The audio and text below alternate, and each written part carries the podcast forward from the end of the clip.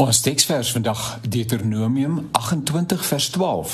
Die Here sal sy goeie skatkamer, die hemel, vir jou oopmaak om die reën van jou land op die regte tyd te gee en om al die werk van jou hand te seën en jy sal aan baie nasies uitleen, maar self nie hoef te leen nie.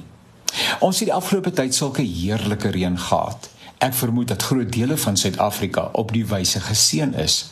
Ons is baie afhanklik van water en veral Suid-Afrika wat dikwels 'n waterskaarste ervaar, is reën 'n welkome verskynsel. Die damme loop vol en die landerye staan groen. Ons tuin het skielik lewe gekry na die koue winter. Die gras wat leweloos vertoon het, staan geelgroen en die plante floreer. Gedurende die week nadat dit mildelik gereën het, uh gedurende die nag, val dit my op in die oggend hoe vars alles vertoon. Die wêreld is skoon gewas, die lug is heerlik koel en vars. En is toe dat ek besef dat ons in Suid-Afrika 'n bui hemelse reën dringend nodig het. Die lug is lank nie meer vars nie. Dis moord en doodslag, korrupsie en bedrog, verminking van vroue en kinders. Daar is 'n gebrek aan sterk morele leierskap en dit maak dat die lig ons suiwer is en onaangenaam ruik. Dit is dor en droog by ons. Ons het reën nodig, reën van bo, goddelike reën wat ons skoon kan was en kan herstel. Mag die Here daai reën gee en mag dit gou kom. Ek het gedurende die week met verskeie persone gesels wat vertel het van hoe skoon en gedissiplineerd sommige lande rondom ons is, Afrika lande. Professor Johan Willems vertel van sy besoeke aan Namibië. Hy het duisende kilometers afgelê en nie een slaggat in die pad gevind nie. Hy verwys ook na hoe skoon en netjies die land ook Botswana vertoon. Barend Legrandsie, 'n bekende gemeenskapsherstel, vertel van sy hoeveelste besoek aan Rwanda.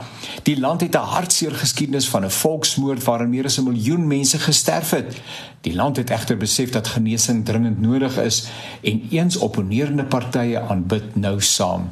Hy sê nog nie een keer wat hy talle lande in Afrika getoer het, het hy vir 'n enkele oomblik vir sy lewe gevrees of onveilig gevoel nie. Maar Suid-Afrika is 'n oorlogsone. Jou kinders is nie veilig nie. Een man staan tereg op meer as 100 aanklagte van verkrachting. Hoe is dit moontlik? 'n Ma vermoor al vier haar kinders. Wat het verkeerd geloop? 'n Man sny sy vrou met 'n matmes sodat sy moet vlug. Ek weet nie wat is besig om met ons te gebeur nie. Wanneer gaan die ongemak met die huidige toedrag van sake ons daarby bring om weer na God te soek en mekaar as die grootste geskenk op aarde te omhels?